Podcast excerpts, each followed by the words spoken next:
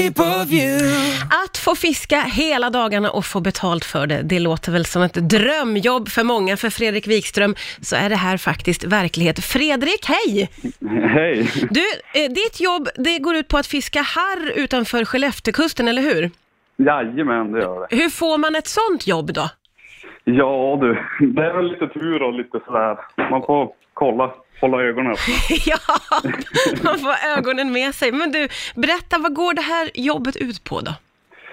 Eh, Det är ju så att vi ska ju försöka samla in så mycket kunskap vi kan för att kunna freda den här fisken vi har ute i havet.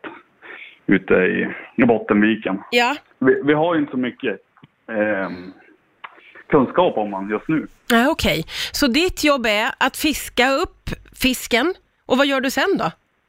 Sen då samlar vi in DNA från fisken som vi då skickar vidare till SLU. Okej. Och hur ser en vanlig arbetsdag ut då för dig, skulle du säga? Ja, man var, först och främst kollar man havsvattenståndet på morgonen och så lite väder och sådär. Ja. Eh, sen försöker fara ut och reka och se om det finns någon is, för vi har ju haft lite si och så med den saken i vinter faktiskt. Ja, ja, ja. Ja, Annars så då får man ju ta kastspöet ja okej. och fara ut. Ja. Och sen så är det fiska hela dagen då som gäller? Fiska hela dagen och så ta någon fika ibland sådär. Ja, vad mysigt. Vad mysigt.